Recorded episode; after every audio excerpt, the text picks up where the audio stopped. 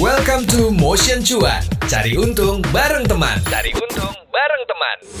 Hai teman Motion, kita ada di Motion Cuan hari ini. It's a special day karena gue kedatangan juga orang-orang yang spesial untuk ngobrol-ngobrol, so you bisa dapat insight, dapat tips-tips yang seru gitu kan. Jadi hari ini itu kita ingin membicarakan mengenai para investor-investor muda. Kenapa gue mau ngomong para investor muda? Maksudnya investor muda tuh milenial ya, dari milenial dan juga uh, Z generation atau Z generation gitu ya. Jadi ada cerita katanya gara-gara pandemi itu ada banyak investor yang dibilang namanya angkatan corona. Jadi pada saat pandemi baru mulai investasi gitu kan. Dan lo tahu kalau orang-orang muda investasi itu tuh sebenarnya mereka bagus karena berarti secara literasi keuangan kita tuh bisa lebih muda lagi berinvestasi. Tapi juga ingat orang-orang yang umur-umurnya masih muda gitu kan, kayak kita-kita itu tuh masih banyak kayak nafsu dalam arti tuh kayak wah ini mau begini, mau begini, mau begini. Sementara investasi itu harus penuh dengan logic gitu. Dan kalau dicatat ya, jumlah investor muda usia di bawah 40 tahun itu sekarang 1,91 juta orang atau 78,4 persen dari total investor di bulan Juni 2021. Man, can you imagine 78,4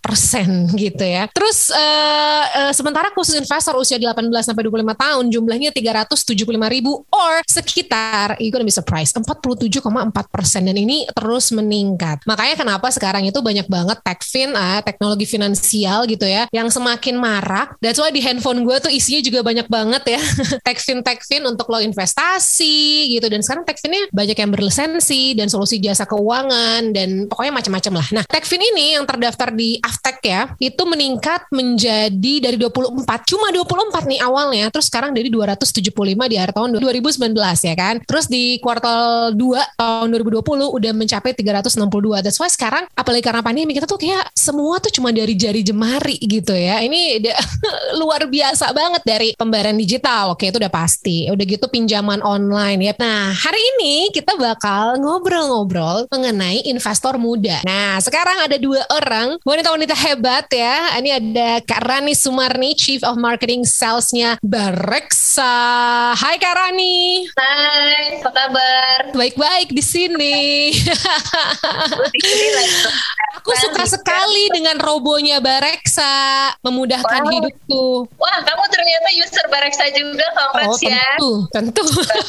terima kasih loh. Iya dong. Plus juga aku usernya OVO karena di sini udah ada Kak Harumi Supit, Head of Corporate Communication ya OVO yang selalu membuat hidupku semakin mudah only one touch ya.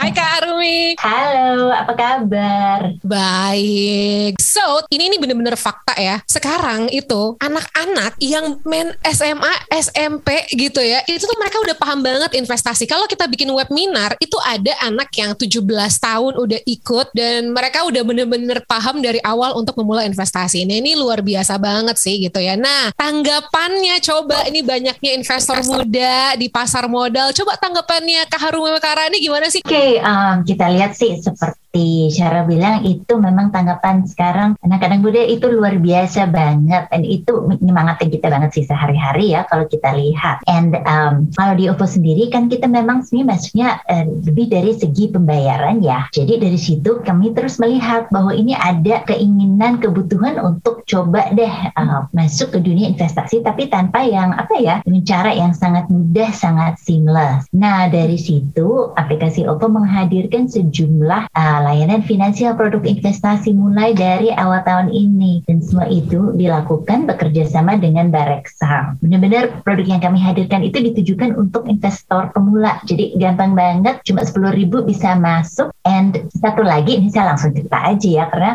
ini sesuatu yang buat kita tuh membanggakan banget dan ini butuh back end uh, effort yang sangat luar biasa bersama hmm. teman-teman Bareksa. Yaitu itu pertama kali di Indonesia ada uh, reksadana money market yang boleh dibilang bilang uh, bisa segera cair. Zaman dulu dulu kan di generasi sebelumnya ya biasanya tuh orang kadang malas berinvestasi karena emang lama banget duitnya bisa dicairkan. itu ya mereka cenderung taruh duit di bawah kasur atau lain sebagainya. Ya, celengan nah, ayam ya. Nah, itu karena sapi kali ya emas. Nanti karena ini bisa cerita makin mendalam nih dia uh, pakar perilaku uh, investasi. Tapi dengan terobosan ini jadi setiap saat itu kita bisa menjangkau investasi itu which is untuk pemula kan itu sangat helpful ya, saya kira seperti itu. Dan itu again first for Indonesia itu sesuatu yang menurut kita luar biasa dan tanggapannya pun luar biasa. It's a good news ya for you sebagai person dan juga sebagai OVO itu berarti it's a good news dong ya. Oh, eh, buat saya pribadi good news banget ya. Saya kepepet uh, lagi antrean uh, terus ternyata duitnya nggak cukup karena ya sampai ngantre saya ngambil barang kan. Wah itu saya sempat cairkan. By the time sudah siap bayar tuh duitnya udah masuk di rekening OVO saya. Kan oke okay banget ya. Kita lihat itu sangat praktis sehari-hari. Iya ya benar. Makanya kenapa orang-orang muda ya kan anak-anak generasi muda itu segala sesuatunya pengennya instan.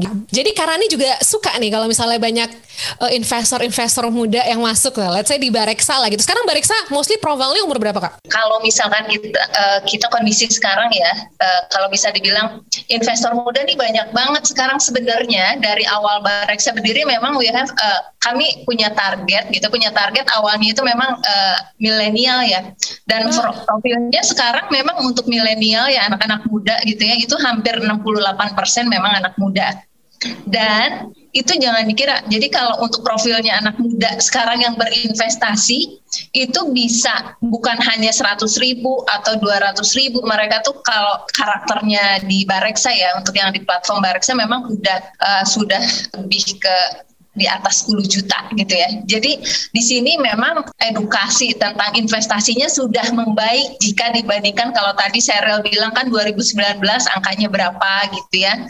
Nah, sekarang tuh apalagi dengan kondisi pandemi yang memang semua orang tidak bisa memprediksi kondisi ini, akhirnya anak muda yang memang sudah terbiasa dengan teknologi itu kan mereka sangat suka ya semuanya yang serba seamless, serba mudah dan kalau di Bareksa kan bisa produknya bisa belinya kita produknya banyak tapi in, hanya satu dalam satu jari gitu ya udah bisa transaksi semua integrasi juga kan dengan OVO gitu ya jadi sebenarnya ini sangat potensial market banget sih untuk investasi kita juga hmm, hmm. mendukung uh, dari sisi government juga kan dari sisi government kan memiliki target juga untuk uh, menambah jumlah nasabah di pasar modal ya, ya jadi ya. ini sangat bagus sih impactnya semuanya ke uh, fintech itu sangat bagus sekali gitu. banget tapi kalau menurut kakak-kakak ini gitu, kenapa anak muda sekarang itu uh, udah mulai mulai investasinya lebih cepat gitu ya. Kalau zaman dulu, I mean di umur-umur 17 tahun, all I know is party, ya kan?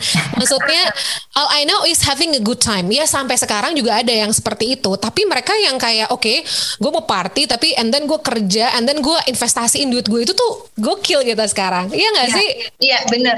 Tapi memang balik lagi nih, uh, sebenarnya kalau misalkan based on data ya 2020, 2029, eh 2019 gitu ya, itu memang pergerakannya tidak sebesar uh, di 2020. Kenapa? Karena satu ada faktor yang memang urgensi kondisi pandemi ini ya. Itu ada urgensi dari sisi anak muda gitu ya. Eh, gue nggak mau dong kalau misalkan nanti terjadi sesuatu sama gue gitu ya. Nah, tapi memang ini faktor teknologi yang bisa menjangkau ke seluruh Indonesia, khususnya untuk internet, itu yang menjadi faktor utama. Kalau dulu kan mau beli uh, pasar modal harus datang ke bank gitu ya, produk-produk investasi harus datang ke bank, which sekarang juga masih ada.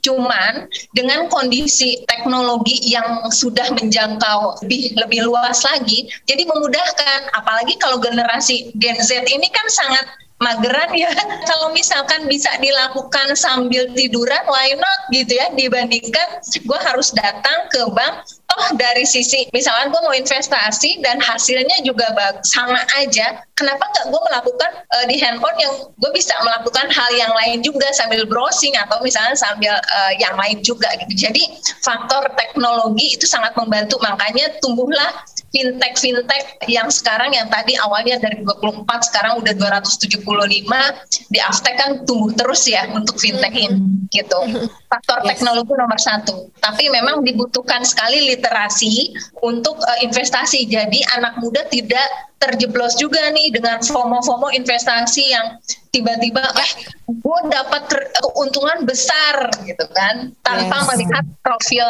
uh, fintech tersebut. Bener banget itu.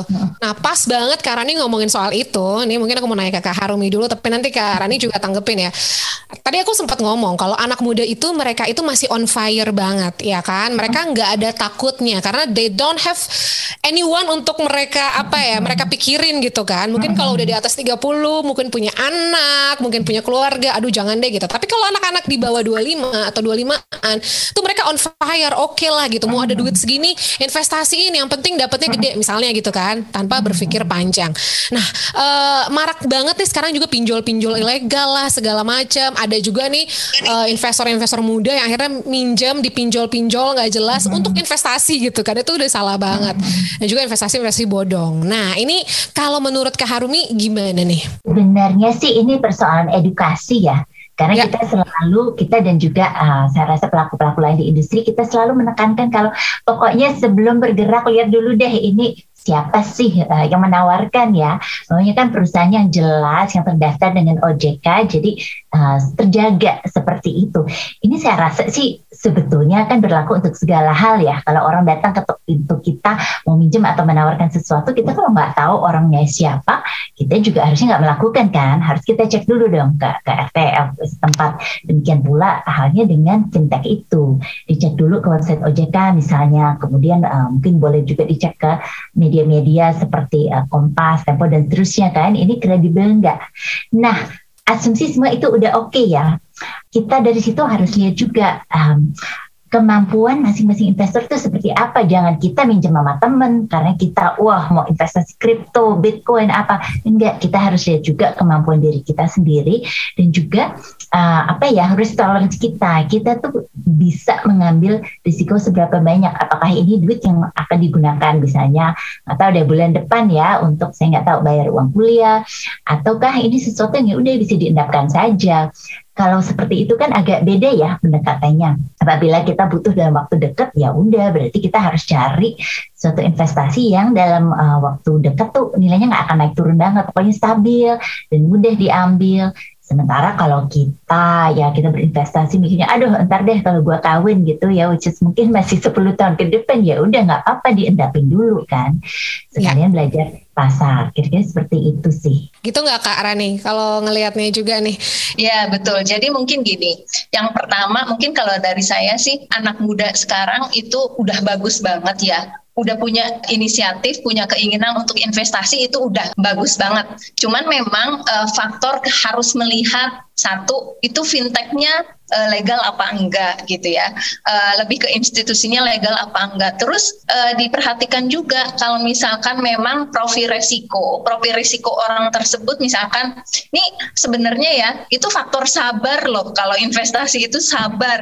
Jadi bukan hanya melihat misalnya temennya eh saya baru beli uh, produk A gitu ya atau ya. misalkan uh, ini ternyata hasilnya besar. Belum tentu. Kenapa? Karena pada saat momen dia beli itu mungkin lagi tinggi jadi pada saat misalkan kok harganya tinggi terus bulan besoknya ternyata atau misalkan beberapa hari ke depannya turun gitu ya.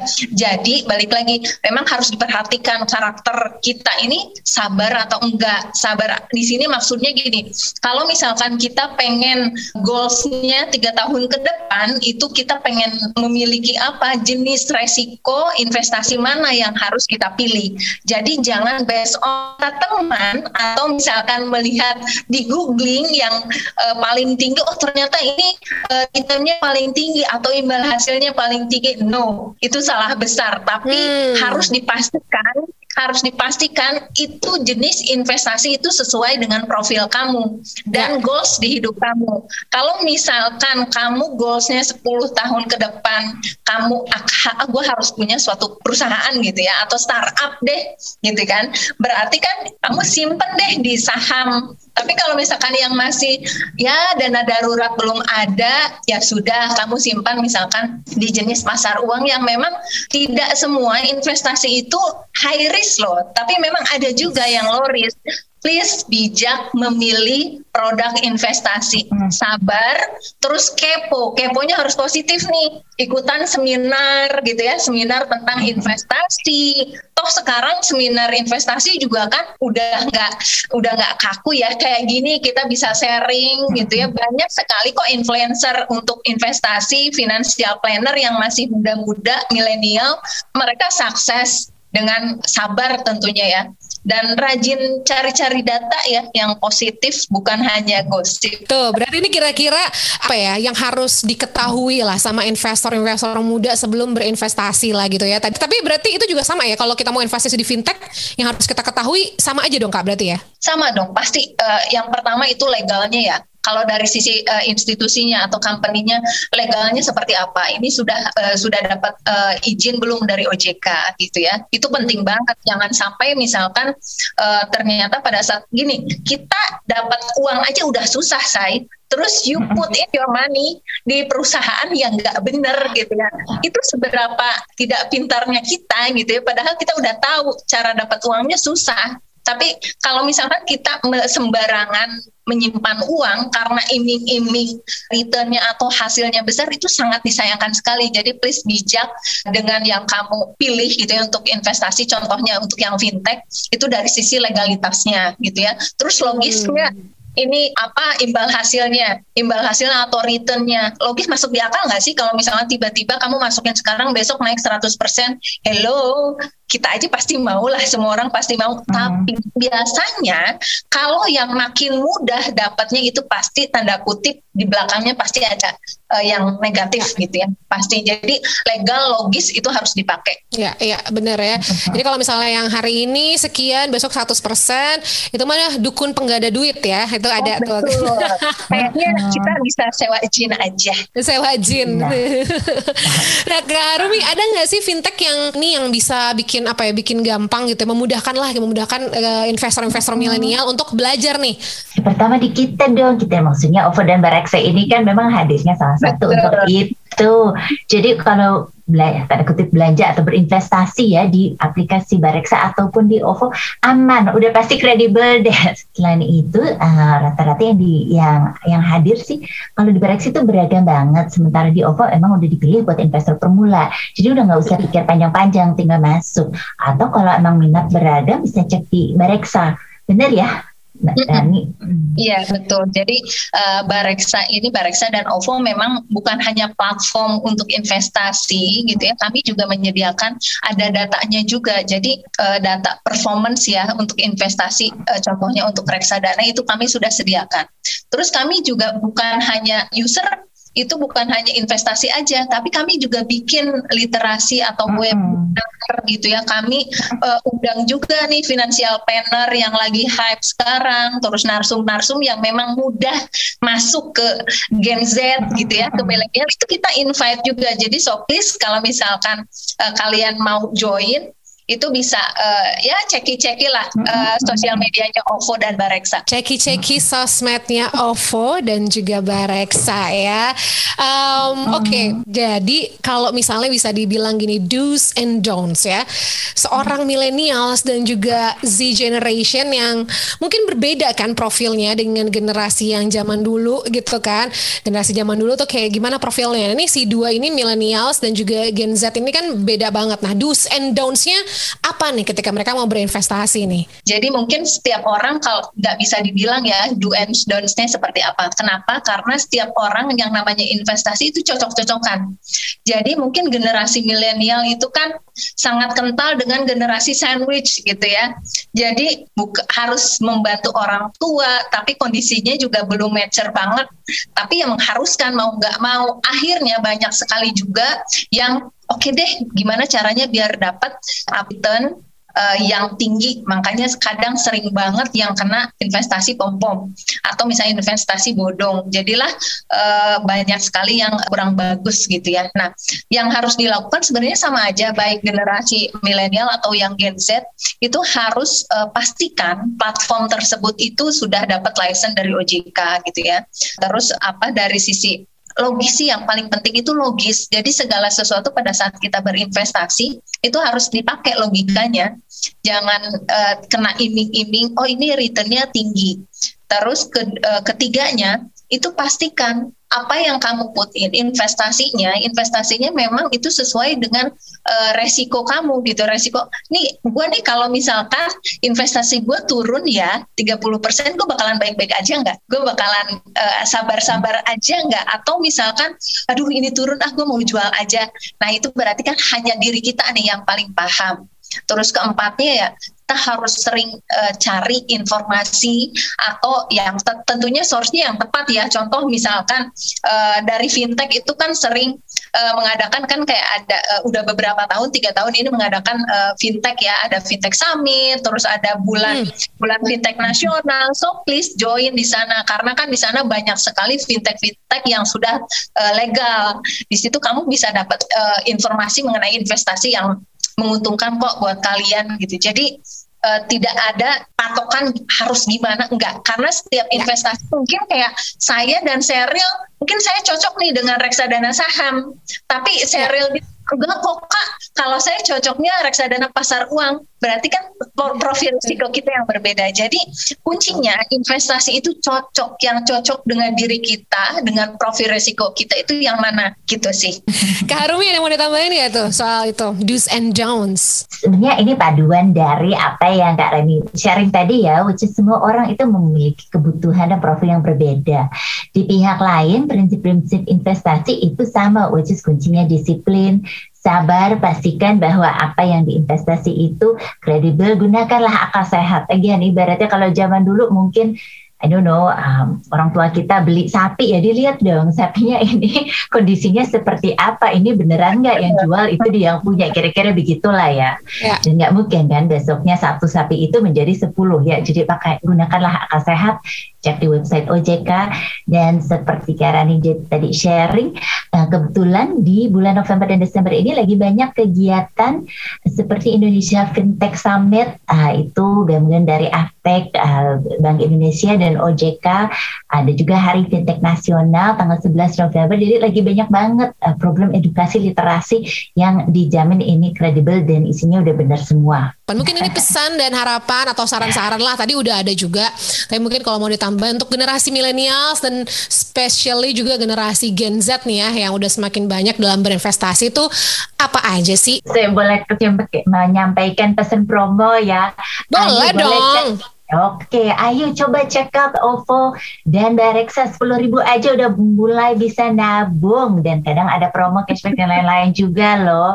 Jadi why not gitu daripada beli dua cangkir kopi udahlah berinvestasi aja sekali-sekali bener ya Kak Radi gimana? Kalau kita sudah punya niat investasi, please jangan wacana karena kalau misalnya kita cuma wacana aja, itu mimpi nggak bakalan kecapai, say. Jadi lakukan apa yang mau kamu lakukan. Ini apalagi yang ini positif ya. Investasi coba lakukan. Kalau tadi dibilang Harumi dengan sepuluh ribu aja udah bisa kok. Biasanya kamu beli gorengan aja udah dapat berapa tuh ya. Nah ini sekarang beli uh, reksadana sepuluh ribu udah bisa. Apalagi nih sekarang tanggal berapa? Tanggal 26 gitu ya. Itu musimnya PD, please di Bareksa sama OVO itu banyak banget. Ada rewardnya, ada cashbacknya juga gitu. Emang kapan lagi gitu ya bisa investasi, hmm. dapat rewardnya juga, dapat cashbacknya juga, selain cuan gitu ya, selain cuan, return kamu dapat hadiah, hadiahnya juga kan ada iPhone, ada laptop dan lain-lain sayang loh manfaatin. Tapi please ya, ya, itu harus platform yang sudah legal, sudah dapat license dari OJK gitu ya. Itu itu selalu jadi basic pada saat kamu mau mulai investasi gitu. Tuh, betul banget. Oke, baik. Kalau begitu Kak Rani dan juga Kak Harumi. Kak Harumi ini adalah Head of Corporate Communication-nya OVO ya. Jadi tadi Kak Harumi titip pesan juga buat generasi-generasi millennials nih ya. Jangan lupa cek OVO karena di OVO itu dari 10 ribu udah bisa gabung untuk berinvestasi daripada ya lo beli boba udah berapa guys? Ada yang 50 ribu juga harga minuman manis sekarang ya kan. Mending investasi kasihin ya. Dan juga Kak Rani, thank you banget Chief of Marketing Salesnya Bareksa yang sangat-sangat mempermudah hidup kaum rebahan sekarang karena beli jual saham itu bisa dengan rebahan. Dan jangan lupa teman motion investasi yang terbaik adalah hari ini ya. Investasi yang hari ini nih udah yang paling terbaik. Jadi lakuin sekarang aja berapapun itu yang penting adalah komitmen. Alright Kak Rani, thank you banget. Kak Harumi, thank you banget buat waktunya. I know you guys busy tapi udah uh, mau meluangkan waktu. Terima kasih banyak ya. Sehat-sehat terus ya. Oke, okay, sehat-sehat yeah, juga. Sehat Thank you so much. Thank you. Bye. Bye.